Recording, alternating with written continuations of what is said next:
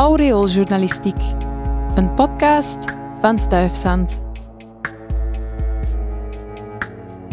Midden in jouw dorp staat een kerk met een naam. Maar ken je ook de mens achter die naam? Vandaag vertelt Gert Melis-Maas je het verhaal van de heilige Trudo, die in de katholieke kerk gevierd wordt op 23 november. Een introvert met impact.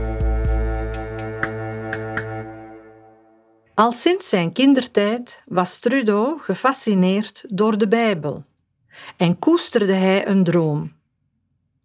Hij zwoer aan God dat hij een kerk zou bouwen waarin iedereen die wou bidden en studeren welkom zou zijn.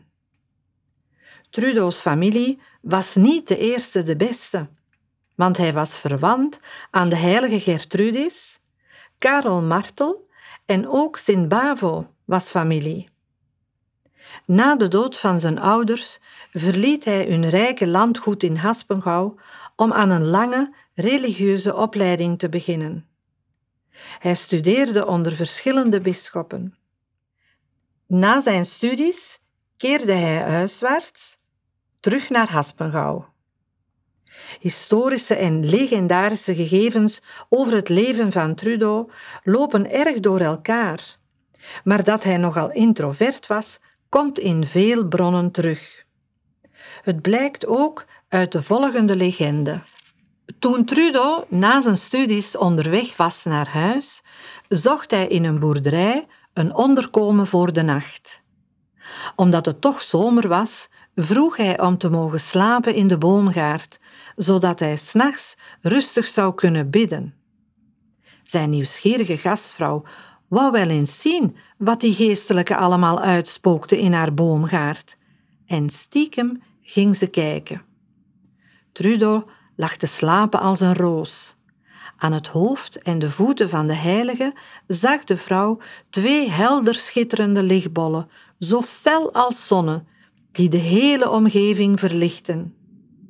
Ze ging snel haar man halen, die dezelfde lichtbollen aanschouwde, en ze vielen beiden op hun knieën en dankten de Heer omdat ze zo'n gezegende gast in hun huis hadden mogen ontvangen.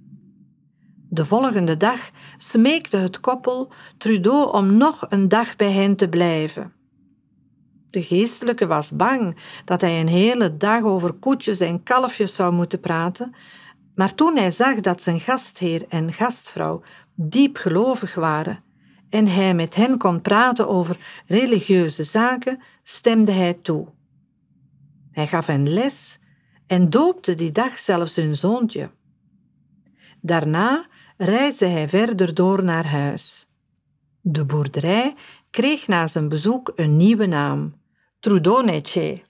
Toen hij terug thuis was op zijn landgoed, aan de oever van de beek Chichindria, bouwde Trudeau uiteindelijk de kerk die hij aan God beloofd had.